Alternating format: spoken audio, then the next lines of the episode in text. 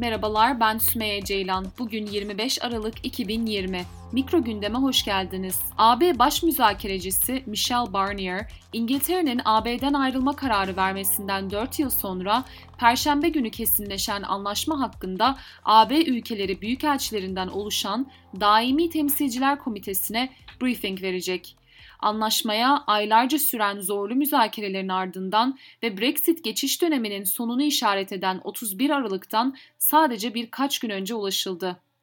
AB liderleri Avrupa Parlamentosu ve Birleşik Krallık Parlamentosu artık anlaşmayı kendi başlarına onaylaması gerekiyor. İngiliz milletvekilleri yasayı 30 Aralık'ta tartışacaklar. Muhalefetteki İşçi Partisi hükümetin anlaşmasını destekleyeceğini söyledi. Avrupa Parlamentosu 31 Aralık'tan önce acil bir oylama oturumu düzenlemenin çok geç olduğunu söyledi.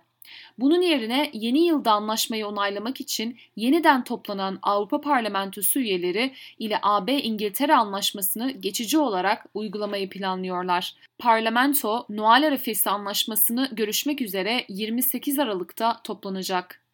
Anlaşmanın bir özeti İngiltere hükümetinin web sitesinde yayınlandı. Perşembe günkü açıklamadan kısa bir süre sonra konuşan İngiltere Başbakanı Boris Johnson, anlaşmanın tüm Avrupa için iyi bir anlaşma olduğunu söyledi.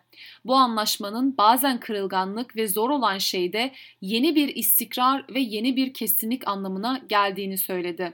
Avrupa Komisyonu Başkanı AB'nin Brexit sonrası adil ve dengeli bir ticaret anlaşması imzaladığını söyledi.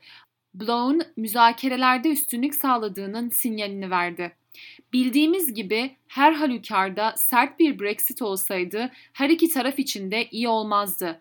Ancak 450 milyonluk tüm gücüyle İngiltere'yi Avrupa Birliği'nden daha fazla vururdu. Bu nedenle güçlü bir konumdan şimdiye kadar sahip olduğumuz en kapsamlı anlaşmayı ortaya koymayı başardık dedi.